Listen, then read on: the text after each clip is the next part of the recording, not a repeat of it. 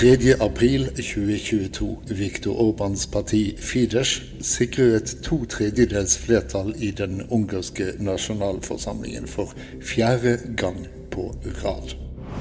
24. april 2022. I andre valgrunde av det franske presidentvalget taper Marine Le Pen mot Emmanuel Macron, men sikrer likevel 41,46% av stemmene. 11.9.2022.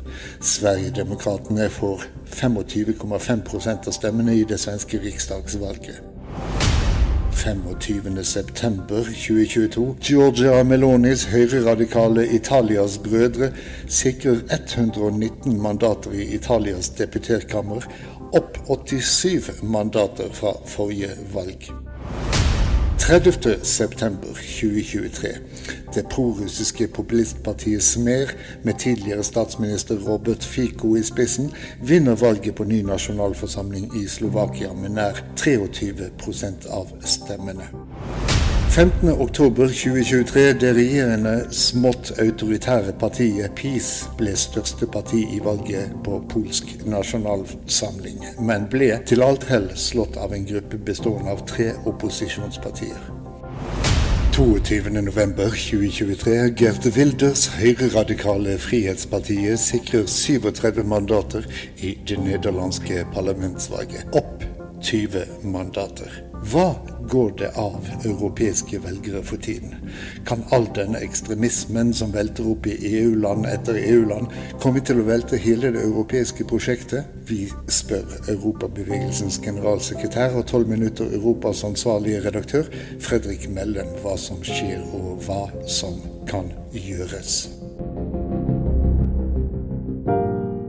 Velkommen hit, Fredrik. Eller velkommen og velkommen. Nå er det jo du som er podkastens ansvarlige redaktør, så det skulle vel kanskje bare mangle. Du, eh, I og med Gert Wilders nylige lille valgskred i Nederland, må jeg nesten spørre.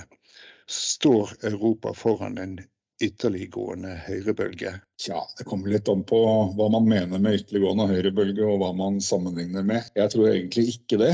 Nå er jo uh, Gert Wilders uh, parti gjorde det jo godt i Nederland, men uh, de fikk jo bare noen og 20 De ble riktignok største parti, og det er jo det som egentlig har vært eh, mest oppsiktsvekkende. Nå er jo Nederland et land med veldig mange partier og uten sperregrense. og Så vidt jeg vet, så er også hele landet i en eh, valgkrets. sånn at de har jo en, ja, en hel bråte med partier, og man kan komme inn i parlamentet med, med bare 0,6-0,7% eller noe sånt. sånn at det er jo egentlig den voldsomme oppsplittinga av det politiske landskapet i Nederland som kanskje har banet veien for at uh, partiet med bare noen av 20 kan bli det største. Da. Men det betyr jo at uh, etter nederlandsk tradisjon så er det han som uh, kommer til å få første anledning til å prøve å danne en regjering. Det tror jeg i utgangspunktet ikke han kommer til å klare, fordi det er bare ett parti i det nederlandske parlamentet som har sagt at de kunne tenke seg å samarbeide med han, og det de har ikke flertall sammen. Så da får vi vel bare se hvor, eh, hvordan dette utvikler seg. Men eh, det er jo ikke noe, noe i nærheten av flertall for eh, Gert Wilders politikk i den, verken den nederlandske befolkningen eller i, eller i den nederlandske nasjonalforsamlingen. Men du, er det ikke litt merkelig, da? Jeg har alltid pleid å se på Nederland som et veldig fredselskende land, der innbyggerne sykler omkring og nynner på Brelet-sangen med tresko på. Og så går de altså hen og gir eh, Wilders og co. over 23% av stemmene. Det henger jo ikke helt på grep, dette er det bildet vi har av det landet. Nei, det gjør jo ikke det. Men, eh, men det som er liksom den store forskjellen fra tidligere Han har jo selvfølgelig gjort et godt valg, men den store forskjellen er at han denne gangen klarte å bli det største partiet. Det er jo selvfølgelig alvorlig nok, men eh, jeg er egentlig minst like bekymret for utviklingen i det konservative partiet i Storbritannia, som, eh, hvor de ytterliggående kreftene får stadig større overtak. Eh, og det er også andre steder i Europa som eh, er bekymret. Men hvis vi skal holde oss til Nederland, da, så kan vi jo sammenligne med Marine Le Pen i, i Frankrike. Hvor uh, Gert Wilders uh, har jo i hvert fall sånn over tid omtrent samme posisjon som, henne. Det er, det er betydelig, et betydelig mindretall som slutter opp om en slik ytterliggående politikk, men, men langt ifra noe flertall. Mm. Men nå er det jo én ting som forener disse høyreradikale og populistiske partiene, nemlig den sterke EU-skepsisen. Når um, så mange av dem får makt, enten i regjering eller i kraft av flere parlamentsmandater, Tror du det vil føre til at det stikkes flere kjepper i EU-hjulene? Både òg. Det kan nok hende at eh, det i noen politiske spørsmål, eh, det, som f.eks. når EU skal enes om eh, en Ukraina-politikk, så ser vi jo at fordi det er nødvendig med enstemmighet i, i, utenrikspolitikken, så får sånne som Viktor Orban en, en veldig ufortjent uh, posisjon, hvor han kan drive med utpressing. Uh, hvis ikke jeg får det som jeg vil på et annet område, så stiller jeg meg i veien for dette. Det kan det nok dessverre hende at uh, vi får se mer av. Men hvis det ikke blir mange flere land enn det vi snakker om nå, så tror jeg ikke i de fleste vanlige politiske saker som er til behandling i EU, så, så, tror jeg ikke det kommer til å ha så innmari stor tydning. Vi ser jo f.eks. at Meloni i Italia, som jo også markedsførte seg som en veldig sånn EU-skeptisk og nasjonalistisk og populistisk politiker, faktisk har blitt veldig krystallklar og positiv, i hvert fall i Ukraina-spørsmålet, etter at hun ble statsminister i, i Italia. Og spilte en mye mer konstruktiv rolle enn det mange fryktet. Eh, så det er vanskelig å si. Eh, jeg kjenner heller ikke Gert Wilders og nederlandspolitikk så veldig godt, må jeg innrømme. Men eh, jeg, jeg tror i utgangspunktet at han ikke kommer til å ende opp med å bli statsminister. Men du, hva er det egentlig ved EU som de mener er så fryktelig farlig? For disse ytterliggående høyrepopulistene eh, og nasjonalistene som eh, Viktor Urban og sånt nå, så handler det jo om eh, litt sånne autoritære tendenser. At EU stiller seg i veien for at de kan drive med demontering av rettsstaten og demokratiet sånn som de ønsker. Det har vi sett i Polen. Og ikke minst overfor Ungarn. EU og for så vidt også Norge med EØS-midlene har jo holdt midler tilbake, fordi eh, disse regjeringene bryter med premissene for å få støtte. og det, det reagerer jo disse på med irritasjon. De mener jo at andre land ikke har noe med eh, hvordan de styrer og skalter og valter i sine egne land. Og det har de jo eh, rett i, i den forstand at hvis de hadde tatt konsekvensen av det Du kan ikke være med i et internasjonalt fellesskap som bygger på noen prinsipper og premisser. og og samtidig eh, bryte med de eh, prinsippene og premissene for medlemskapet. Altså, Ungarn f.eks. ville jo aldri i verden blitt tatt opp som medlem av EU i dag.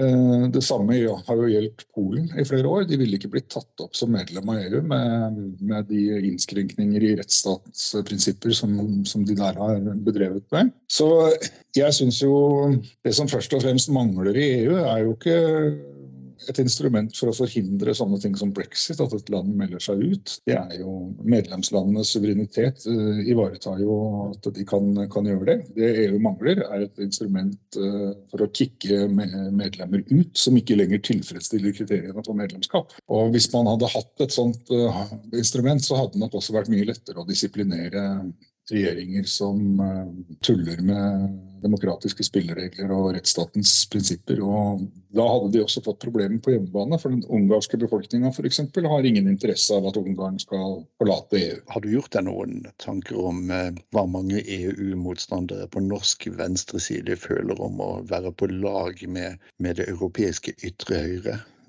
Ja, jeg har vel egentlig tenkt på det i 30 år, men uh, Vi får bare konstatere at, eh, at sånn, eh, sånn, er det. Det er jo mm, påfallende at nå er det ikke et eneste parlamentarisk venstresideparti i hele Europa som er eh, enig med SV, f.eks.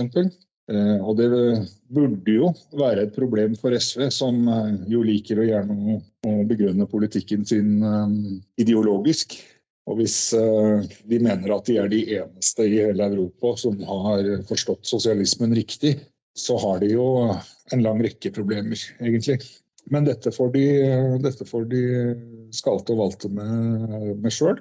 Jeg konstaterer at uh, også i Norden så er nå uh, SV blitt alene. Der har det jo tidligere vært partier i Sverige og Danmark som har vært EU-skeptiske. Men nå er det altså det er venstresida i Norge, og så er det ytre høyre i resten av Europa. Mm. Og for å være helt ærlig så, så framstår jo det siste så mye mer logisk. At uh, partier som uh, er klart nasjonalistiske, uh, er imot dette samarbeidet. det er jo et samarbeid mellom små og mellomstore demokratier i Europa som bare blir mer og mer nødvendig i en stadig mer internasjonalisert verden. Og utenfor Norge så forstår alle på venstresida at dette er et prosjekt de skal støtte. Helt til slutt, hva tenker du europabevegelsen kan gjøre for å eksponere euroskepsisens tvilsomme sider, uten å tråkke på ømme tær og uten å slå folk i hardkorn med høyreekstremister? Jeg tror ikke vi kan gjøre noen ting uten å tråkke på noen ømme tær.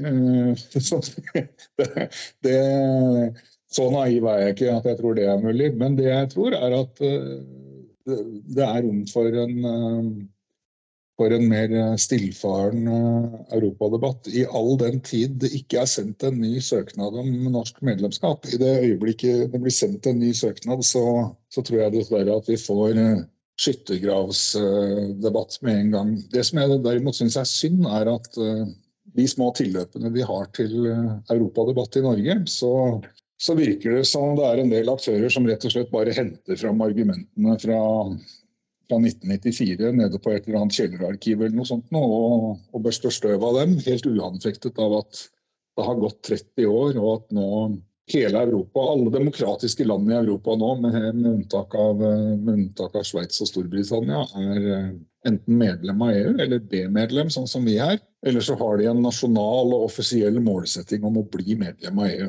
Så det er eh, Norge har for så vidt blitt det annerledeslandet som nei-siden eller ikke det annerledeslandet, men ett annerledesland har vi blitt. Eh, om ikke det annerledeslandet som nei-siden forestilte seg for 30 år siden.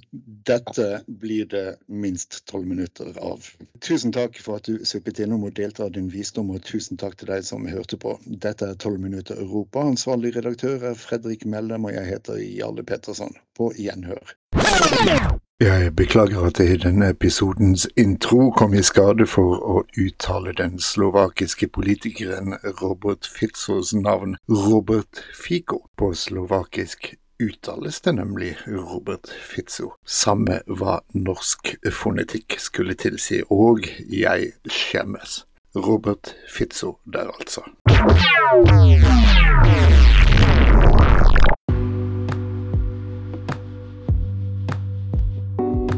Husk å abonnere på podkasten, så får du et varsel når vi slipper nye episoder. Og eh, ikke glem å følge Europabevegelsen og 12 minutter Europa i de sosiale mediene, for eh, som vi alle vet, det kan aldri bli nok Europa.